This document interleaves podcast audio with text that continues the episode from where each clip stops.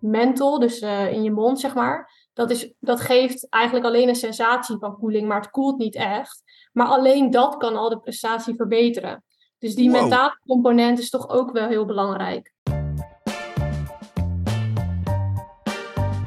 Welkom bij de Slimmer Presteren podcast. Jouw wekelijkse kop koffie met wetenschapsjournalist Jurgen van Tevelen en ik, middle-aged man in Lycra, Gerrit Heikoop.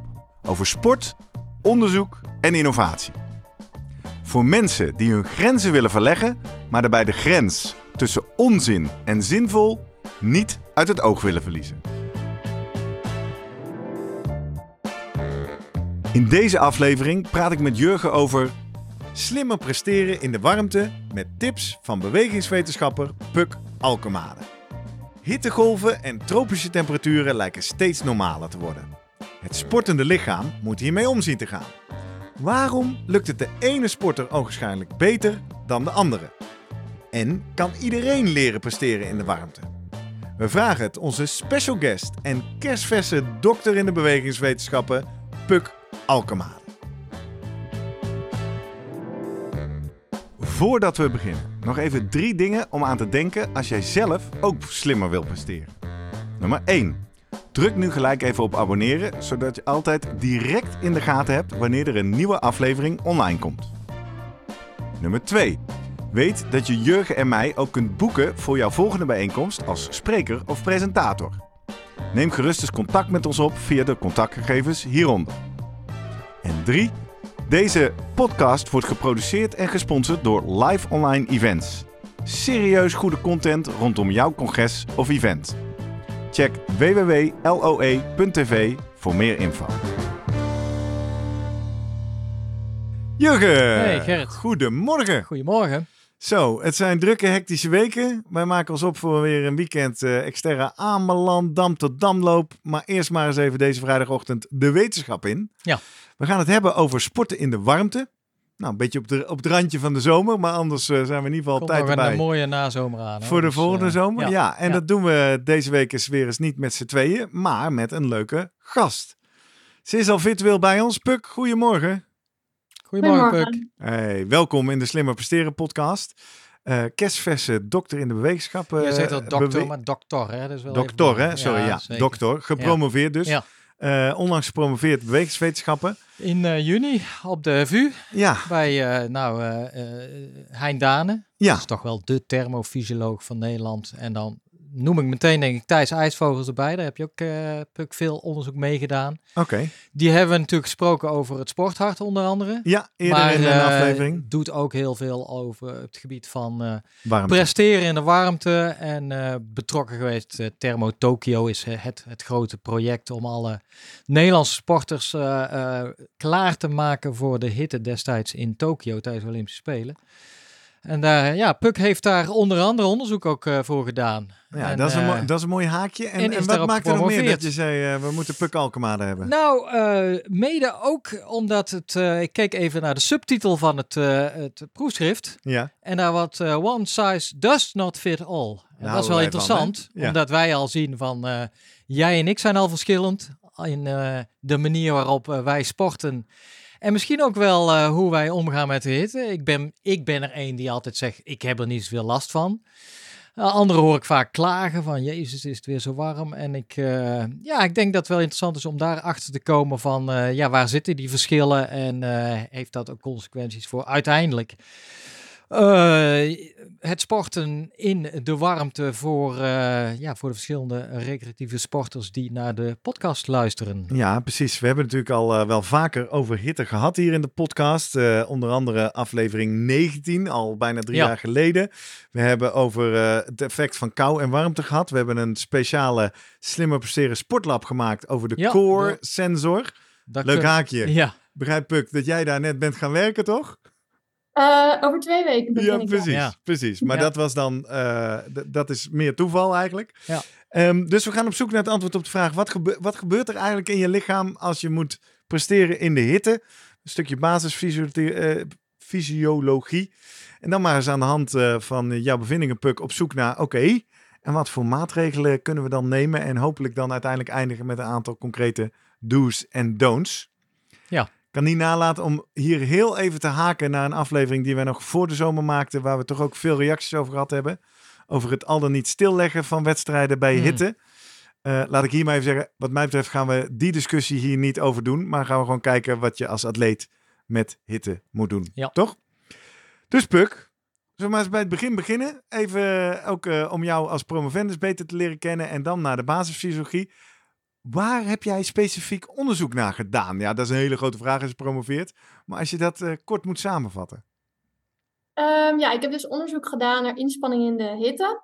Eh, wat dat doet bij het lichaam en eigenlijk ook hoe je daar zo goed mogelijk mee om kan gaan. Dus eh hitte, acclimatisatie en koelingsstrategieën.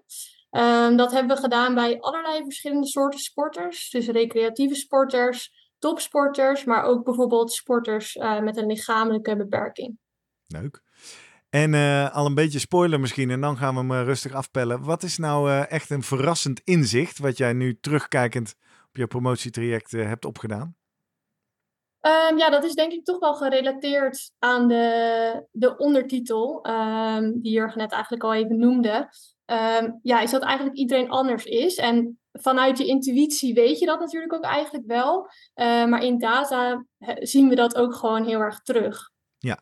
Want dat- is het eh, probleem dan eh, dat eh, te veel onderzoek is gedaan weer op ja, de, de, de, met name mannen binnen een bepaalde leeftijdsgroep en een beetje gematcht natuurlijk qua gewicht en lengte, et cetera. Is dat inderdaad het grote makken op dit moment geweest? Ehm, het is zeker binnen de thermofysiologie wel een van de issues, omdat vrouwen ehm, toch meestal een andere eh, thermoregulatie hebben ehm, dan mannen, maar vooral op basis van hun ja, fysieke kenmerken. Mhm. Ehm, dus dat is zeker een issue. En hetzelfde is natuurlijk eigenlijk met sporters met een beperking. Eh, maar goed, nog steeds binnen een, een relatief homogene groep van eh, bijvoorbeeld mannen van een bepaalde fitheid, zien we nog steeds best wel veel individuele verschillen. En om dat toch nog even verder uit te raven dan, op wat voor gebied verschillen die mensen dan? Waar zie je verschillen in? Ehm, ja, ik heb natuurlijk onderzoek gedaan naar beide presteren in de hitte en ook ehm, eh, strategieën die je kunt doen.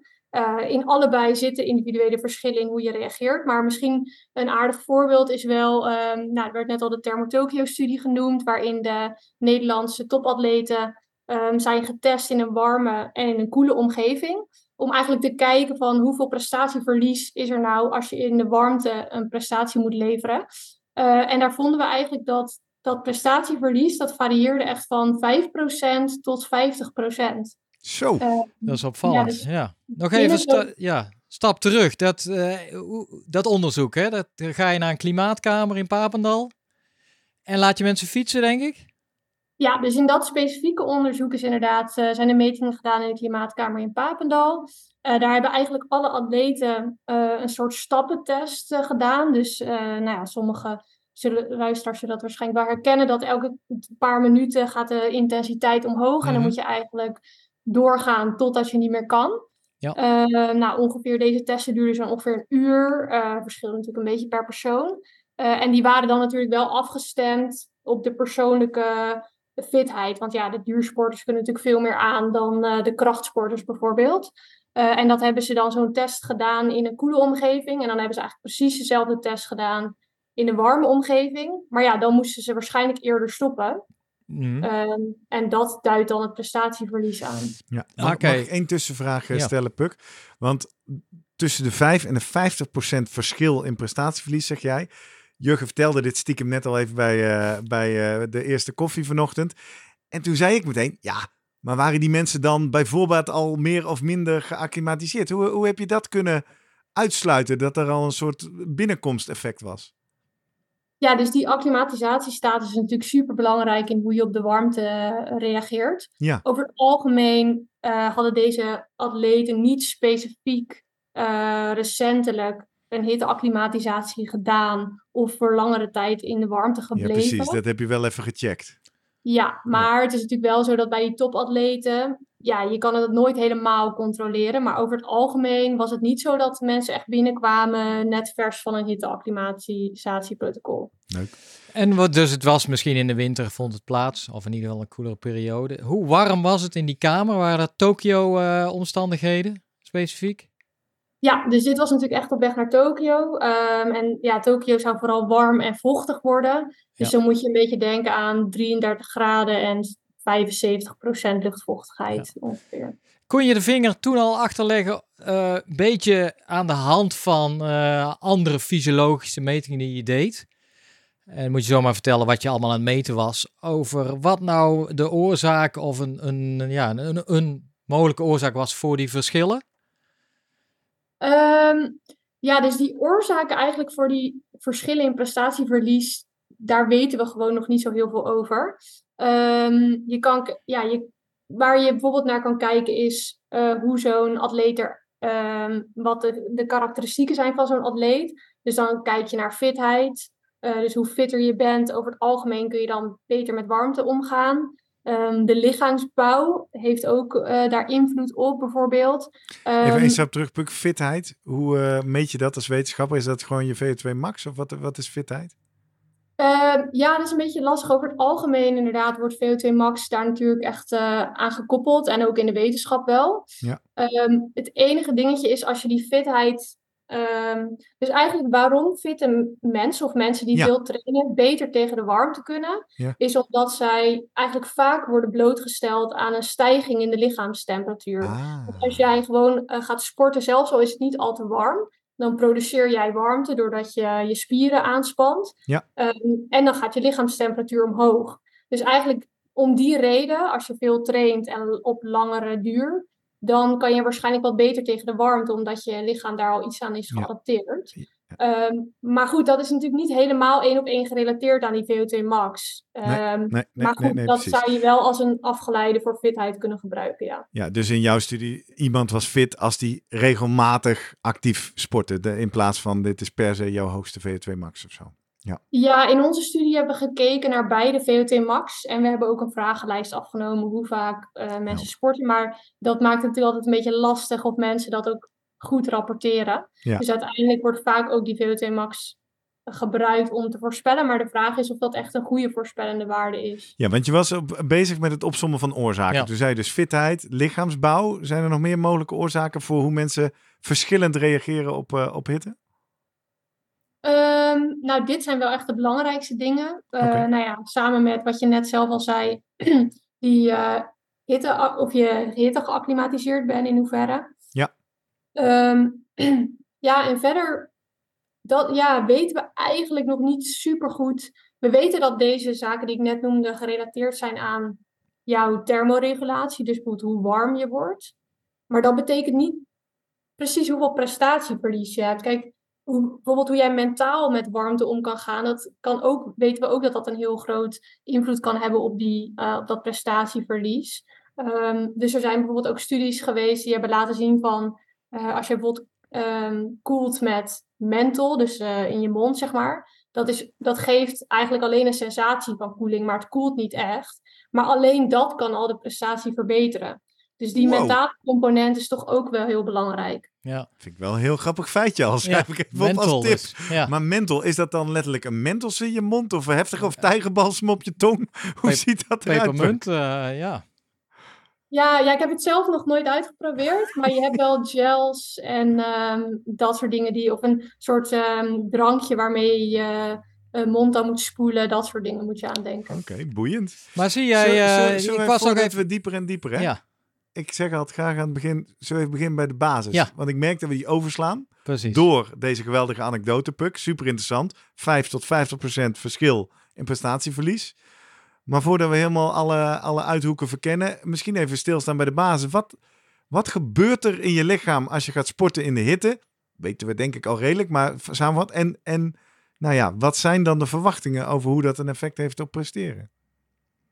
Ja, ehm, ja, dus zoals ik net al eh, zei, als je gaat sporten, dan produceer je, produceert jouw lichaam warmte. Ja. Ehm, je hebt natuurlijk gewoon een bepaalde efficiëntie, dus ongeveer 25% van wat jij produceert in je lichaam wordt omgezet naar echt die beweging. Ja. Of maximaal 25%. En de rest uh, ja, wordt eigenlijk omgezet in warmte in het lichaam. Mhm. Um, dus dat moet, het natuurlijk, dat moet weg, dat moet het lichaam uit.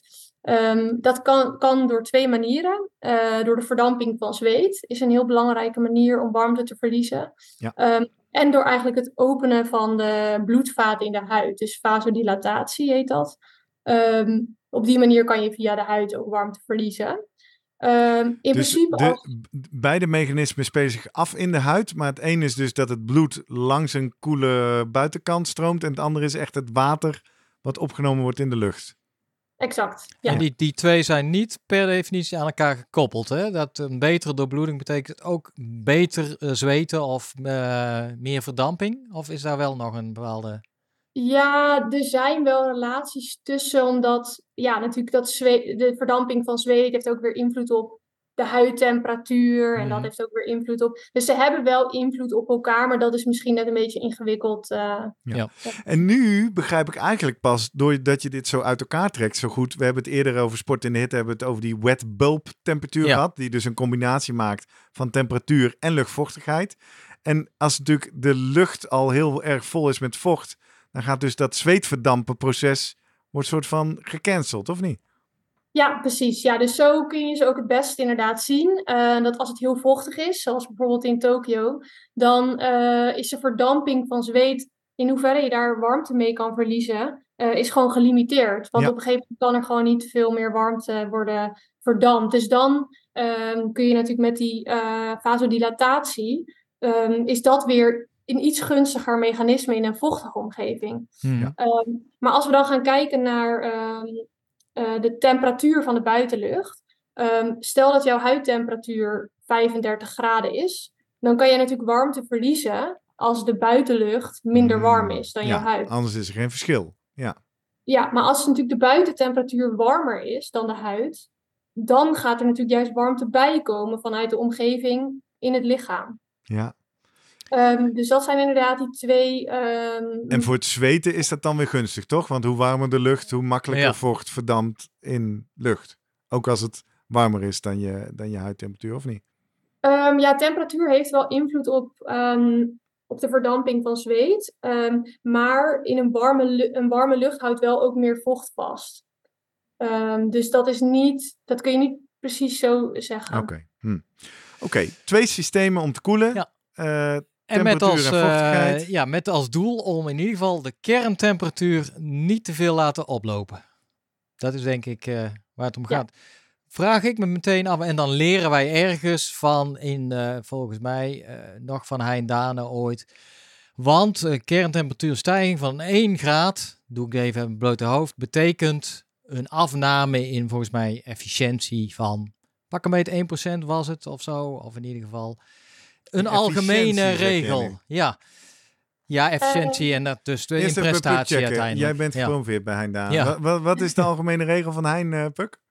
Eh, ja, Jurgen zegt het geloof ik goed. Ehm, dus inderdaad, eh Heinz regel is inderdaad volgens mij 1 graden toename is ongeveer 1% efficiëntieverlies. Ehm, ik Maar dan moet moeten wel jullie me allebei even helpen over welke efficiëntie hebben we het dan? Gaat dan dat percentage kracht en warmtegeneratie verschuiven? Ja. Of, of wat bedoelen we? Als jij dus, we hebben het gehad over loopeconomie Ja, ja, ja, ja, ja. en eh, over efficiëntie, mechanische efficiëntie bij het, eh, bij het fietsen. Ja.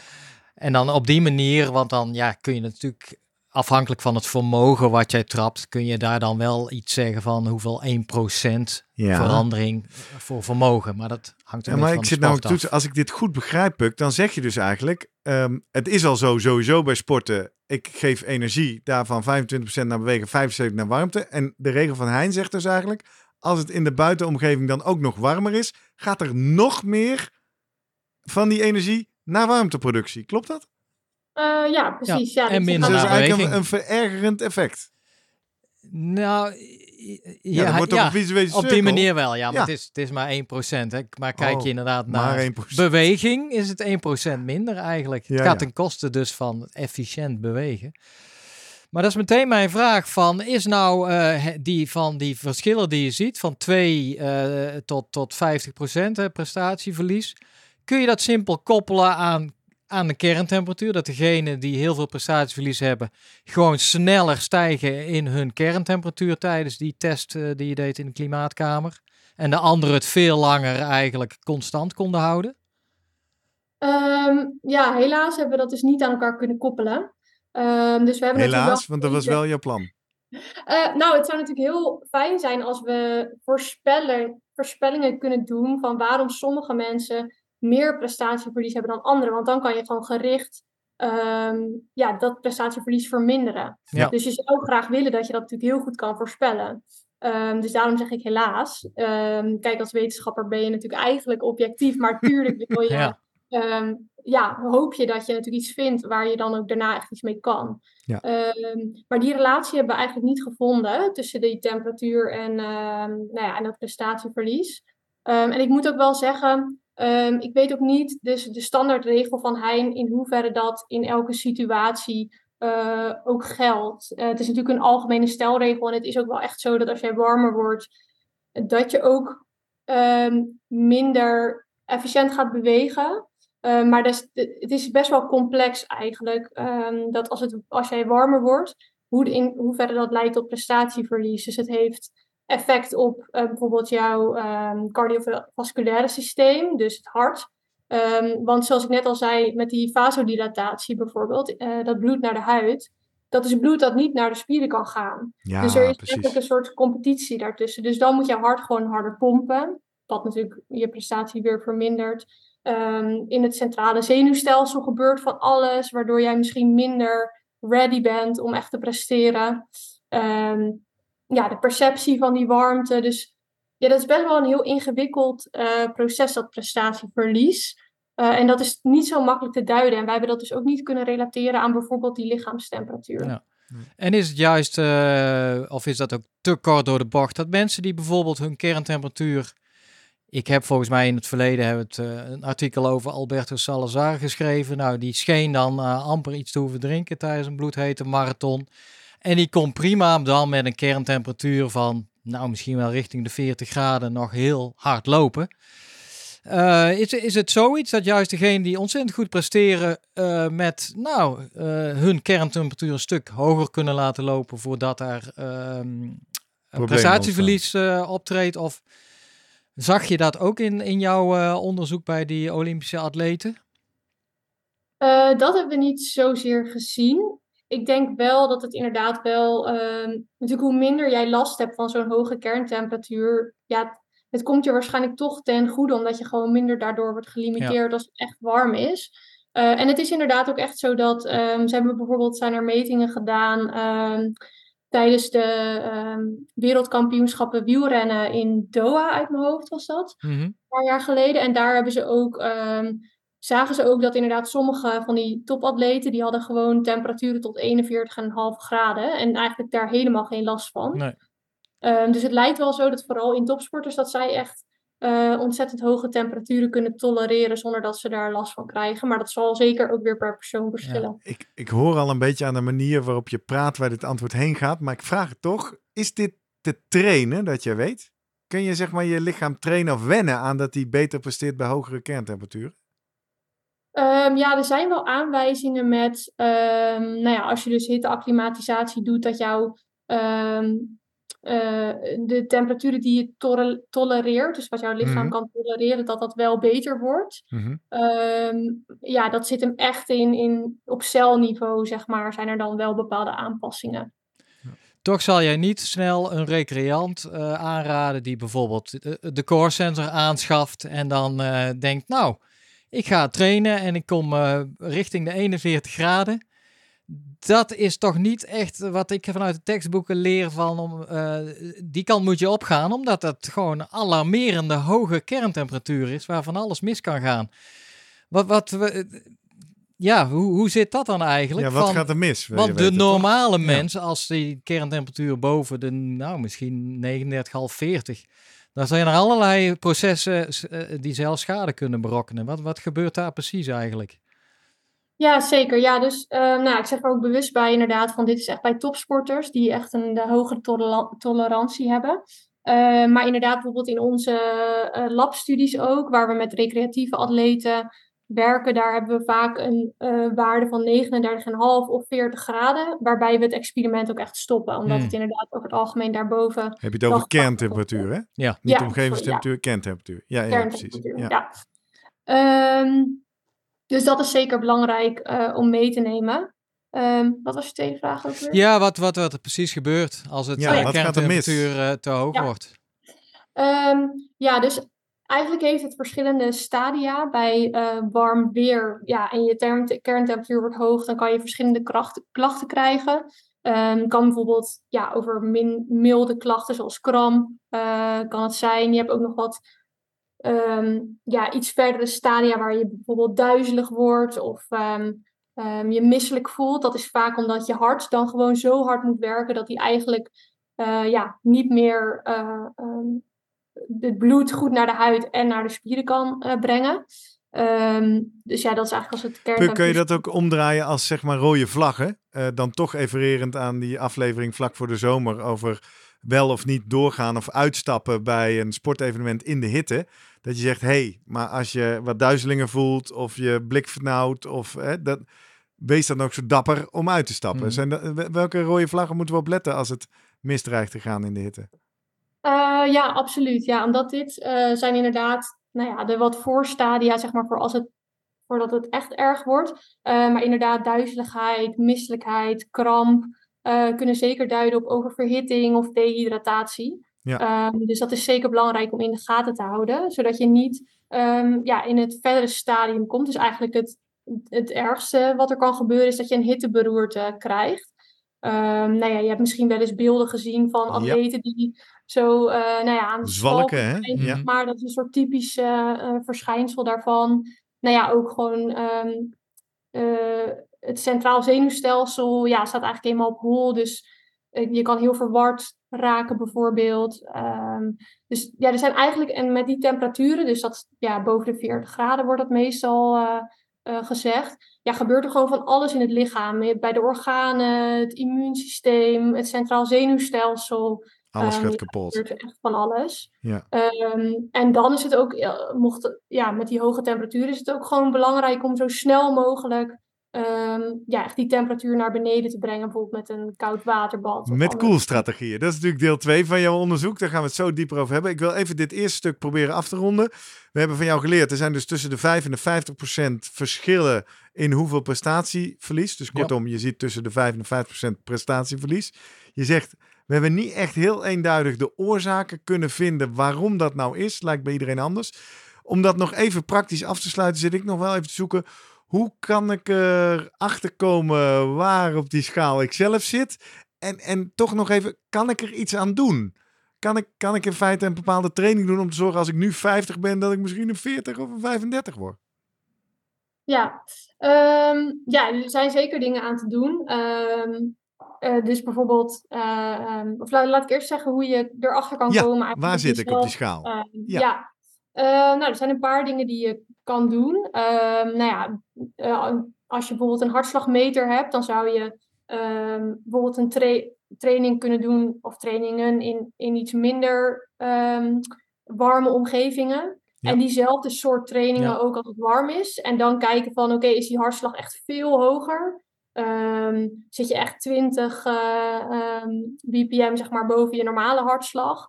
Ehm, nou ja, dan kan je daaraan zien van, hé, hey, dat is toch wel waarschijnlijk het effect van die warmte. Ja. Bijvoorbeeld, nou ja, als, als mensen zo'n core sensor hebben, dan eh, zou je ook kunnen kijken naar het verschil tussen nou ja, die verschillende omgevingstemperaturen, hoe die daar reageert. Nou ja, en mentaal kan je natuurlijk voor, is dat ook belangrijk. Wat ik Ja, al zei, is voelt het? Hoe Maar- zwaar voelt het? Eigenlijk is het gewoon als je heb jij een vast eh, rondje van 10 kilometer waar je PR af en toe even checkt of in ieder geval jou. Maar zo zou het inderdaad. Je noemt het al atletiekbaan of zo. Als jij gewoon een, een vast rondje hebt, ja, dat zou je natuurlijk goed voor jezelf kunnen bijhouden. Wat zijn de of de je horloge doet dat tegenwoordig al. Ja. De temperaturen en wat, eh, ja, hoe gaat je prestatie dan achteruit? En of Ja. je daar een beetje een koppeling ziet. Oké, en dan komen we erachter, nou, het doet mij weinig, zei je al in de intro. Ik Ja. heb er niet zoveel last van. Misschien kom ik erachter, het doet mij veel. En je zei, je, er zijn ook wel wat dingen om je eraan te doen of je erin te verbeteren. Wat, wat zijn mogelijke oplossingsrichtingen? Ehm, ja, dus sowieso trainen in de warmte is gewoon heel belangrijk. Dus die acclimatisatie. Uh, en dan ook dus als het echt warm wordt in de zomer of er is een hittegolf, dat je ook ja, wel rustig begint. Uh, niet meteen nou ja, te ver gaan, zodat je dat lichaam echt rustig aan iets die intensiteit steeds kan opbouwen. Um, dus daarmee ga je dan wel echt wennen aan die warmte. En dan zou je ook na zo'n periode van de warmte weer bijvoorbeeld dat vaste rondje kunnen doen. En dan zie je misschien dat jouw hartslag ook niet zo hoog meer is als daarvoor bijvoorbeeld. Ja. Um, dus dat trainen in die warmte en daaraan wennen is echt heel belangrijk. En ook jezelf daar de tijd voor gunnen. Um, en daarnaast kan je natuurlijk, nou ja, moet je natuurlijk gewoon goed drinken om te zorgen dat je niet gedehydrateerd raakt. Um, ja, en je zou uh, ook koelingsstrategieën kunnen toepassen. Ja, dus laten, we, laten we het bruggetje maar overlopen, uh, Puk. Want dat is ook een groot onderdeel van jouw promotie. Koelingsstrategieën. Wat, wat heb je onderzocht? Um, ja, koelingsstrategieën hebben wij specifiek onderzocht bij Paralympische atleten en atleten met een beperking eigenlijk. Dus dat is wel um, ja, heel specifiek. Um, en dat was ook wel heel labgerelateerd. Dus misschien is het interessant. Er kan natuurlijk wel wat voorbeelden noemen van koelingsstrategieën die nou ja, in de praktijk bijvoorbeeld te gebruiken zijn. Um, ja, ja, ja. En ik ben ook nee. even benieuwd wat jij dan onderzoekt. Ik bedoel, je, je past zo'n strategie toe. Noem maar drinken, ijsbaar, weet ik veel. Kunnen we zo uh, wellicht wat noemen. En dan, dan kijk je wat het effect is op de, op de kerntemperatuur of op de prestatie. Welke uitkomstmaat kijk je naar? Ja, dus over het algemeen inderdaad, als dat soort studies worden gedaan, kan je naar verschillende dingen kijken. Uh, als je echt geïnteresseerd bent in de fysiologische, uh, het fysiologische effect, dan laat je mensen eigenlijk een, bijvoorbeeld uh, twee keer op een bepaalde uh, wattage inspannen. En dan geven ze één keer geen koeling, één keer wel koeling. En dan kijk je inderdaad naar de hartslag, naar de kerntemperatuur, naar de huidtemperatuur. Uh, we hebben vaak ook dat we vragen, specifieke schalen hebben om de perceptie uit te vragen. Dat zijn dan dingen waar je dan naar kijkt. Je kan er ook voor kiezen om echt heel specifiek naar prestatie te kijken. Dus je zou bijvoorbeeld mensen een, een tijdrit kunnen laten doen en dan kijken of de prestatie beter is met koeling dan zonder. En uh, nou ja, het koelen, we, we zien heel veel verschillende vormen. Hè. Mensen met een koelvest aan, voor de race vaak. Hè. Dat is dat, dat, dat pre-koelen. Of tijdens de race uh, zie je, zie je sponsen inderdaad. Je ziet uh, ijsblokjes in de nek of zelfs onder de pet volgens mij tegenwoordig. Hè. Ja. Uh, ja, maakt het allemaal iets uit? Of ja. is, eigenlijk... is er een beste? Pup? Ja. Uh, nou, de beste strategie is eigenlijk om meerdere dingen te uh, combineren. Ah. Um, dus bijvoorbeeld, uh, nou ja, uh, als we het hebben over een ijsslushy of koud water, dat koelt natuurlijk echt van binnen. Mm -hmm. um, dat zou je natuurlijk makkelijk kunnen combineren met een ijsvest. Um, dus zeg maar, de, ja, vooral die gemixte strategie ja, lijkt het beste te werken. Maar je zit natuurlijk heel vaak met praktische aspecten die, jou, die wel eigenlijk bepalen wat je dan kan gaan doen. Um, moet je het, mag, het, mag je tijdens de race koelen? Uh, als dat niet mag, dan doe je het vooral van tevoren. Um, of als het niet, niet um, ja, op een handige manier kan. Dus bijvoorbeeld ja, wielrenners, als zij bergop gaan fietsen, gaan ze natuurlijk niet een koelvest aandoen, want dan moet je hartstikke veel gewicht meeslepen. Mm -hmm. Um, dus vooral die praktische elementen bepalen dan vaak uiteindelijk welke strategie je echt precies gebruikt. Um, Maakt de, de plaats op het lichaam waar je de koeling toepast nog uit? Heb jij daar of onderzoek naar gedaan of literatuurkennis van? Um, ik heb zelf hebben wij onderzoek gedaan uh, bij mensen met een dwarslesie, uh, specifiek naar de locatie van koeling uh, op het lichaam. Mhm. Maar bij mensen met een dwarslesie hebben zij natuurlijk een heel andere fysiologie eigenlijk in het onderlichaam, wat eigenlijk niet goed meer werkt en mm-hmm. waar eigenlijk de signalen vanuit de hersenen niet meer goed naar worden doorgegeven dan op het bovenlichaam. Uh, en die hebben natuurlijk ook hun, hun benen zitten in principe gewoon stil tijdens het inspannen. Dus daar is echt een heel duidelijke um, ja, verschil tussen. Uh, als we dat dan ja, vertalen eigenlijk naar um, valide sporters. Um, het is goed op zich om op de actieve spieren te koelen. Dat hebben we ook wel gezien, omdat daar gewoon veel warmte wordt geproduceerd. Dus die warmte kan dan natuurlijk meteen weggevangen worden door die uh, koelingsstrategie. Uh, maar ja, als je gaat hardlopen of fietsen, dan is het natuurlijk niet heel handig om op de benen te koelen. Nou, uh, plus, Sorry? Ja, nou, zeg ik. Want dat is namelijk, ik ben blij dat je dit zegt. Dit was wat ik voor Zeewolde, die befaamde halve triathlon in de hitte, als tip van Guido kreeg. Ik was tot die tijd altijd gewend om vaak, bijvoorbeeld bij een drankpost, water eentje te drinken, eentje. Ik was altijd gericht op de hersenstam, zeg maar. Hè? Nek onderaan eh, je hoofd. Op een van die dagen, je moet je hoofd koel houden. Letterlijk, dat is ook een gezegde natuurlijk. Kijk, ja. Maar hij zei toen, pak maar de sponsen en doe die expliciet op je bovenbenen en op je billen en eventueel nog op je armen. Eh, want dat is waar de hitte gegenereerd wordt. En dat heb ik toen voor het eerst gedaan. Beviel mij zeer goed eigenlijk. Ja, als je het op die manier inderdaad met water doet, dan kan het natuurlijk wel op de benen. Eh, het is natuurlijk niet, je kan niet een soort coolpacks om Nee, eens. Dat doen. begrijp ik. Ja. Maar zeker, ja, op die manier. eh, kijk, bij verschillende locaties heb je net iets andere voordelen. Kijk, op zich, wat jij zegt, zo achter in je nek bijvoorbeeld, of op je hoofd, dat is op zich een goede locatie, vooral voor de perceptie. Dus Ja, in je gezicht bijvoorbeeld zitten gewoon heel veel sensoren, waardoor jij voelt dat het cool is. Dus dan, ja, voor die perceptie gaat het dan eh, echt werken. Maar voor echt jouw temperatuur naar beneden te brengen, is het natuurlijk een vrij klein oppervlakte. Terwijl ja, op jouw eh, benen en je armen heb je natuurlijk een vrij grote oppervlakte. Ehm, dus kan je daar ook ehm, misschien proberen om iets je temperatuur, of in ieder geval je huidtemperatuur mee te verlagen. Ja, Ja. voordat, eh, ik durf het woord niet te herhalen, vaatdilatatie. Vasodilatatie. Ja, zeker, in ieder geval. ja. Maar dat proces help je daar dan Ja. natuurlijk meteen heel actief mee. Ja. Ja. Ja. Ik, eh, ja, dit, dit is het acuut koelen, hè? Eh, maar je noemde het al, het, het klassieke acclimatiseren. We vertelden je al dat dat de andere manier is om Het, op het lange lichaam termijn. laten wennen Ja. aan bewegen in de hitte. En dat, eh, nou, ik weet dat je daar ook een, eh, in ieder geval één of twee hoofdstukken aan eh, gewijd hebt. En juist ook om te kijken of daar nou mensen verschillend op reageren. Want in principe, ik denk de atleten die naar Tokio gingen, en eigenlijk ook wat ik op, op internet vind, dan is er een soort vaststaand protocol wat eh, gehanteerd wordt. Eh, Zou je eens kunnen vertellen hoe, hoe dat, eh, dat, wat dat protocol dan is? En, en hoe uiteindelijk in jouw studie, hoe, ja, hoe mensen daar zich op eh, inderdaad, wat voor resultaat dat had qua acclimatisatie? Ehm, ja, dus het, ja, het protocol dat nu vaak wordt gebruikt, ehm, is eigenlijk om meerdere dagen dus in de klimaatkamer te trainen op het, in de omgeving die je eigenlijk verwacht voor uiteindelijk de competitie.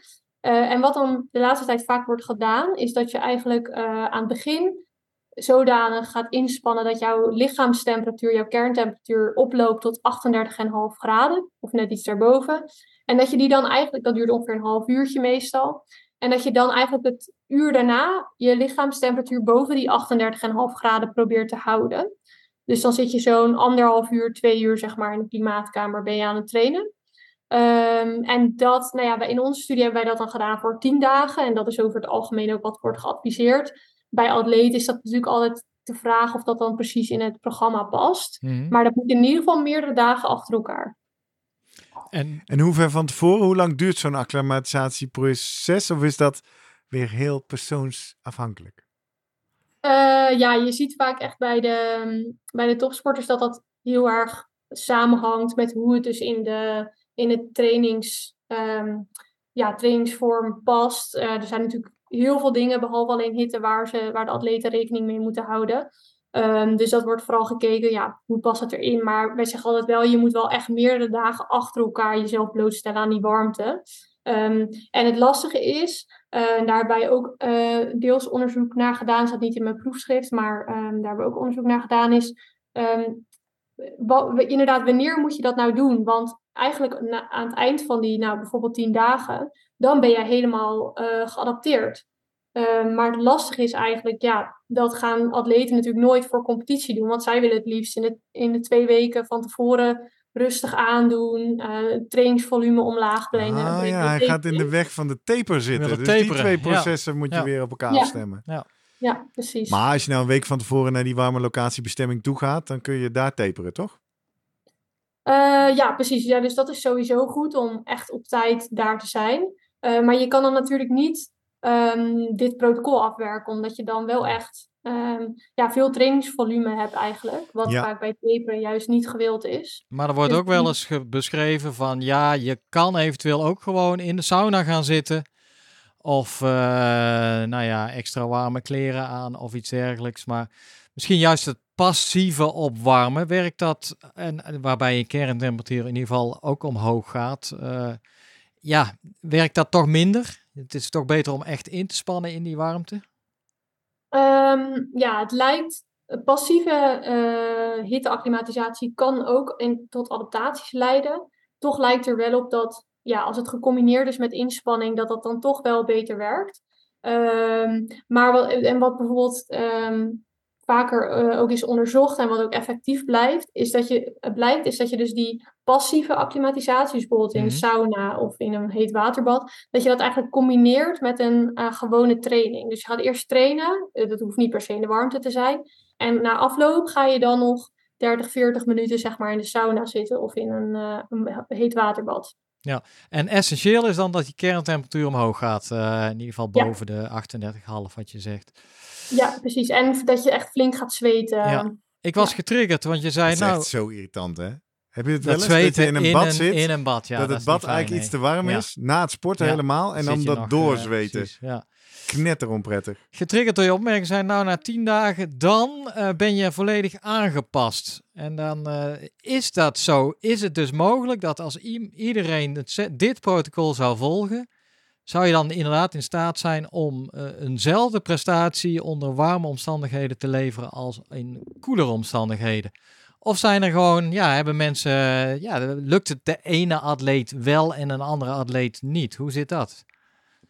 Um, ja, dus ten eerste, zeg maar, het is niet per se zo dat je na tien dagen compleet bent geadapteerd. Um, daar is ook nog niet heel eenduidig idee over, omdat de meeste studies maar tien dagen acclimatisatie doen. Ja. Um, dus dat kan misschien nog wel verder gaan dan dat.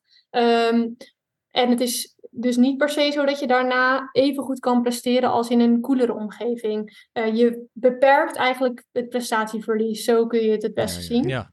En, en, tot het kan dus zijn als jij er een bent die 50% prestatieverlies hebt, dat je het hebt beperkt tot 25. ja. En als jij maar eentje was van 15, dat je misschien wel naar nul gaat. Ja, maar dat brengt mij altijd... Uh, ik, bedoel, ik zit hier samen te vatten. Klopt dat? Uh, dat zou kunnen. Ja, ja, dat zou kunnen. Ja, dus in, dat zijn dus die individuele verschillen. Maar uh, waar, uh, nou ja, was, ik denk niet dat je het antwoord gaat geven of wil geven. Of, dan vraag ik me af dat er gewoon in die, in die studie voor Thermo Tokyo, als mensen, ja, dan kan je best wel even uh, denken van shit, ik kan heel slecht tegen de warmte, 50% uh, warmteverlies. Prestatieverlies. ja, ja, prestatieverlies, sorry. Uh, laat dat hele Tokio maar Ik ben niet geschikt voor Tokio temperaturen.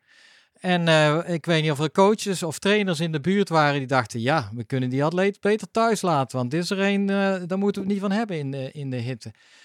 Is, wordt zoiets meegenomen eh, al in de selectie? In de selectie of, en ja, hoe, hoe kijk jij daarnaar? Als, uh, nou ja, vanuit nou, jouw... wel filosoferen. Zou dat moeten? vanuit jouw kennis of zeg je nou fysiologisch gezien moet het toch mogelijk zijn dat uiteindelijk elke sporter met de juiste acclimatisatie uh, in staat moet zijn om nou, in ieder geval uh, zo goed mogelijk te presteren onder warme omstandigheden zoals die in Tokio waren? Um, ja, ten eerste ligt het er natuurlijk wel aan wat voor sporter het is. Kijk, in de ene sport heeft het gewoon die warmte gewoon veel meer impact dan in de andere. Bij ons hebben nu bijvoorbeeld ook uh, ja, wat meer ehm, krachtige sporters ook dit fietsprotocol gedaan. Terwijl zij natuurlijk normaal eh, niet die inspanning hoeven te leveren. En dan zou ik ook zeggen, sowieso met de explosievere sporten kan warmte zelfs uh, positief uitpakken en hoeft het niet per se slecht te zijn. Mm um, dus eigenlijk is hoe langer uh, de sport wordt, dus um, de inspanning, dus de meer duursporten, daar heeft die warmte echt een groot effect op. Um, dus in die hoek, ja, zou ik zeker zeggen dat dat effect kan hebben. Maar inderdaad, als jij goed reageert op een uh, hitteacclimatisatieprotocol, um, nou ja, met koeling van alles kan doen, dan zou, ik, zou ik niet per se iemand meteen afschrijven natuurlijk. Nee. Ik zal nog even, want... Uh, nog daar... even? Ik heb ook nog een nog even. Nou, maar deze is wel, want daar hebben we het nog helemaal niet over gehad. Jij hebt namelijk een hele, een hele groepen mensen laten acclimatiseren en gekeken naar hun fysiologische aanpassing. En daar zie je ook een hele grote variatie in. Hè? De ene, nou ja, simpel gezegd. Ja, wat, wat zag je precies in de variatie uh, tussen verschillende personen in hun acclimatisatie? Ehm, ja, dus tijdens een uh, acclimatisatie ja, past het lichaam zich dus aan. En dat kun je meten uit verschillende dingen. Ehm, dus je hartslag is bijvoorbeeld, kan bijvoorbeeld lager zijn bij eenzelfde inspanning na dat protocol. Um, je zweet meer, ja, doordat, zodat je dan meer warmte kwijt kan. nou ja, als je de prestatie meet, dan is op het algemeen de prestatie beter. de kerntemperatuur in rust zakt ook iets.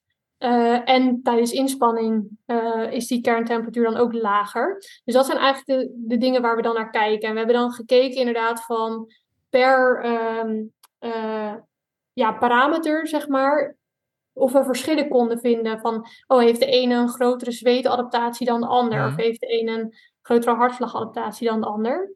Um, en we vonden daarin eigenlijk dat um, de atleten, of ja, de sporters, dit was met recreatieve sporters, die wat zwaarder waren, ehm, dat zij een grotere zweetadaptatie hadden uh, na de hitacclimatisatie. En dat de atleten die wat lichter waren, wat kleiner, dat zij vooral een hartslagadaptatie um, hadden. Maar dat had verder geen invloed op hoe die kerntemperatuur uiteindelijk tijdens inspanning um, ja, hoger of lager was of de prestatie. Ja. Dan zien we in feite gewoon weer die twee koelingssystemen aan het werk, toch? Ja, maar ja, via waarom, de huid of via het zweet. Ja, dus uiteindelijk het lichaam kiest wel een oplossing, maar ja. doet dat wel afhankelijk een beetje dus van lichaamsbouw.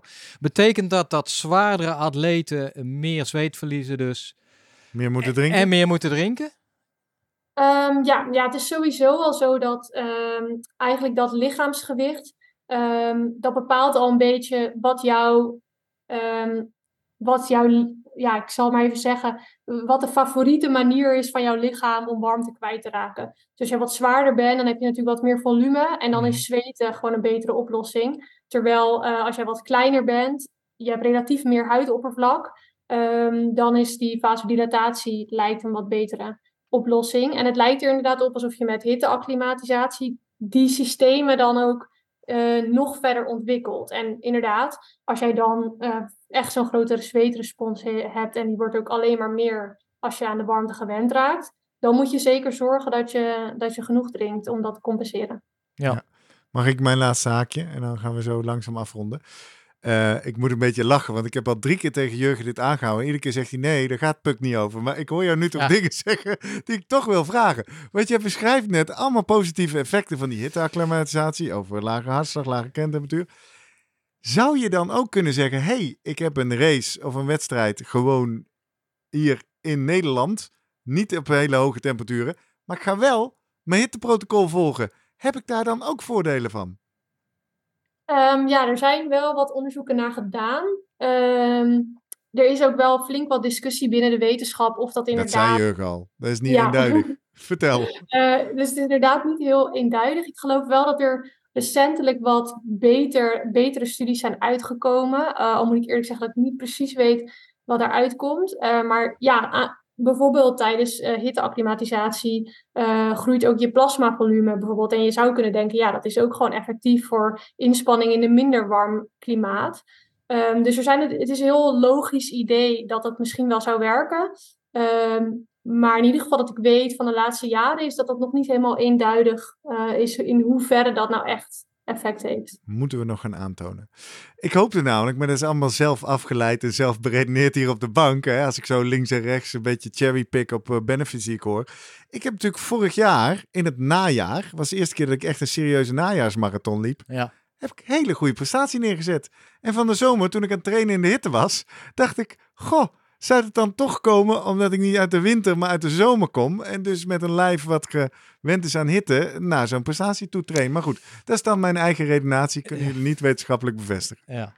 Nee, even in het kort. Uh, dat de, zoals dat in ieder geval in de wetenschap nog nu is aangetoond, dan praat je over vijf weken lang ja. In ieder geval uh, uh, vijf dagen in de week minimaal een uur in een, in een sauna gaan zitten. Dus dan zeg je al, één, je bent niet vijf weken dus, op vakantie geweest. Nee. En twee, je hebt niet vijf dagen. En je moet echt lang, lang dat eigenlijk volgen. En wat je dan uiteindelijk krijgt, is wat, wat, wat Puk zegt. Je begint al met een uitbreiding van je plasmavolume. Ja. Maar het lichaam gaat dan ook zeggen, hey, dan moeten we ook meer rode bloedcellen aanmaken. Ja. En rode bloedcellen, dan heb je ook uh, gunstige effecten op je zuurstof Ja, aanbod. dat willen we zuurstoftransport. Ja, maar dan praat je echt over een, nog, nog een wat trager Ja, ja. respons. Je Dan wil zeggen, dat is niet een het zomervakantietje. aanpassen aan de... Ja, ik weet niet hoe lang jij bent weg geweest. Drie weken. Drie weken. Het was niet eh, overal boven de 30 Ja. graden. Dus, En eh, jij bent natuurlijk een, een high responder, hè? Een Dat wel. Ja, nou, het zit in ieder geval tussen mijn oren. eh, neem ik hem toch maar mee even op weg naar 29 oktober. De marathon van Brabant. Puk, als we nu terugkijken naar de afgelopen drie kwartier, 50 minuten. Heb jij het idee dat wij de belangrijkste inzichten en do's en don'ts uit jouw onderzoek naar boven hebben weten te halen? Of is er nog een blinde vlek? Ehm Paul, ik denk niet dat er, ik denk eh, niet een, een blinde vlek. Ja, we hebben het gehad natuurlijk over ehm, eh, hoe kan je zelf nou bepalen of jij wel of Ja. eh, tegen de warmte kan. Ik denk dat dat een belangrijke is. Eh, en ook wat kan je eraan doen in de zomers? Laat jezelf rustig wennen aan die, eh, aan die temperaturen, eh, zodat je lichaam zich kan aanpassen. En daar Ehm, wil ik wel een aanvullende tip bijleggen. eh ook rondom die warme juni maand deze zomer. Het algemene advies vanuit de gezondheidsbevorderende nieuwsmedia is dan ga in de ochtend sporten, want dan is het nog cool. Ja, tenzij je natuurlijk aan het trainen bent naar een Mhm. race die om 1 uur 's middag start. Ga dan maar een keer midden op de dag trainen, maar dan met jouw waarschuwing, Puk. Begin rustig aan. Ga niet meteen volle bak.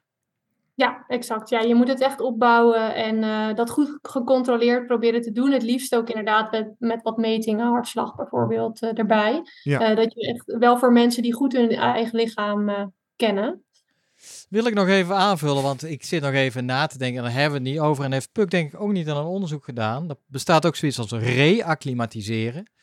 En dat betekent eigenlijk dat de eerste keer moet je misschien tien dagen Ah, om, ja. eh, om, om eigenlijk goed je, je aan te passen, het lichaam. Maar het blijkt eigenlijk als je dan dat een maand later weer doet, dat je na drie dagen of vijf dagen al klaar bent, zeg maar. Dus dat er een soort herinnering wel in je lijf zit. Dus misschien was dat bij jou ook nog gaande.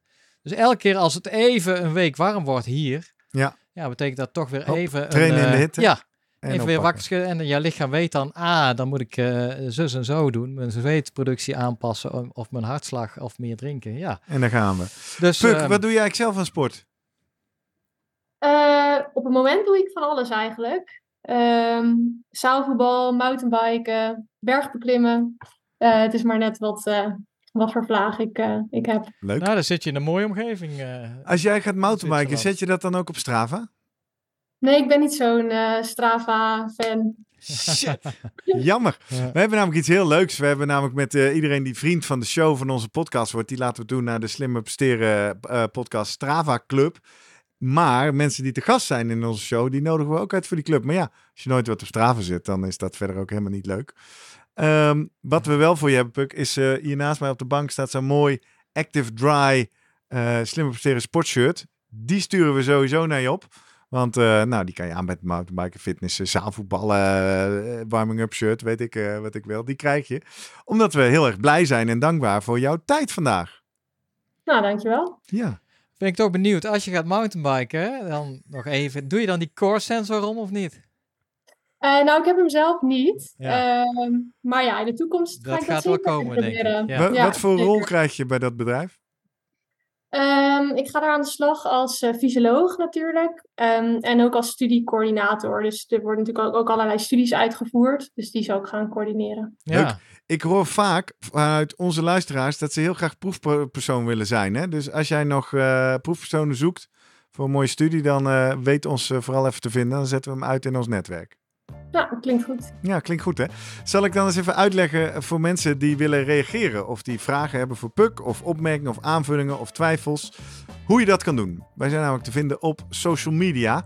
Op Instagram zijn wij de Slimmer Podcast. We zijn ook te vinden op eh, LinkedIn Slimmer Presteren Podcast. En ook nog op voormalig Twitter X. Dan maken we iedere vrijdagochtend van iedere nieuwe aflevering een eh, post. Die kan je dan eh, delen of hartjes geven of op reageren met je vragen. En ga ons vooral ook even volgen op die kanalen, want dan weet je zeker wanneer er een nieuwe aflevering uit is. Ga dan gelijk ook naar onze website, stond al even in beeld, eh, slimmerpodcast.nl. Daar staat van iedere aflevering een eh, pagina. Die kan je de link van pakken, kopiëren. Jij dus ook, hè, Puk, kan je hem rond WhatsAppen naar al je collega's bij bewegingswetenschappen en eh, binnen het Amsterdam Institute of Sports Science. Die vinden het vast leuk om jouw verhaal en jouw promotiebevindingen te horen. En voor iedereen zegt, nou, ik ben allemaal niet zo van social media en weet ik veel dingen. Je kan ons ook mailen via post.slimmerpodcast.nl met je vragen, met je aanvullingen, met eh, vragen of opmerkingen voor Puk. Dan zetten wij die eh, vrolijk door naar Zwitserland. En dan eh, hopen we zo dat we met z'n allen slimmer gaan presteren, zeker ook in de hitte. Puk, dankjewel. Dankjewel, Puk. En succes in, eh, in Zwitserland. Ja, Jurgen, tot volgende week. Tot volgende week. Gaan we volgende week doen? Volgende week gaan wij doen. Ah, ja, ja, ja. Ik heb een heel mooi verhaal. Ik heb namelijk getraind. Ja. Eigenlijk heel relaxed. En ik ben super sterk geworden, zoals je ziet. Spannend. Ja. Kan niet wachten. Voor iedereen die dit weekend naar Ameland gaat of zondag Prins Hendrikade. Tot ziens bij de Dam tot Damloop. Ik sta met de microfoon bij de start. Tot volgende week. Tot volgende week. Hoi, hoi.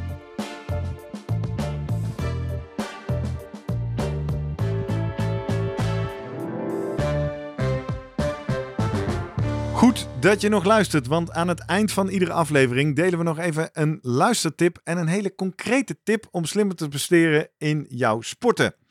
Inspiratie uit de fysiologie, psychologie, voedingsleer en nog veel meer. Jurgen, welke aflevering wil je onze luisteraars deze week opwijzen? Aflevering 69 over eh, wel of niet, eh, ja, en hoeveel drinken tijdens Ah, ja. een race. Ja, Altijd een grote vraag. omdat nog steeds altijd een groep sporters eh, is die eigenlijk te veel drinkt dan te weinig tijdens een, eh, een wedstrijd. Ja, ik heb toen naar aanleiding van die aflevering het wel voor elkaar gekregen om een keer te weinig te drinken. Ja. Maar wat is de concrete advies? Nou ja, het komt eigenlijk die sportfabrikanten die hebben een kwalijke rol gespeeld door eigenlijk te verkondigen van dat het dorstgevoel niet goed werkt als jij aan het, eh, aan het hardlopen of fietsen bent en vooral gedurende langere tijd. Dus die hebben gezegd nee, je moet altijd drinken, drinken, drinken. En uiteindelijk, ja, wat, eh, dan kan het gewoon gebeuren dat je watervergifting krijgt of hyponatriëmie. Te weinig natrium in, eh, in je lichaam. Nou, dan ben je een stuk verder van huis. Dat is gevaarlijker dan uitgedroogd raken Ja, eigenlijk. ja. Eh, goede cue die ik altijd weet. Als je moet plassen tijdens een wedstrijd, dan heb je in ieder geval te veel gedronken. Kortom, luister snel maar eens door naar aflevering 69. Ga ik even naar de wc.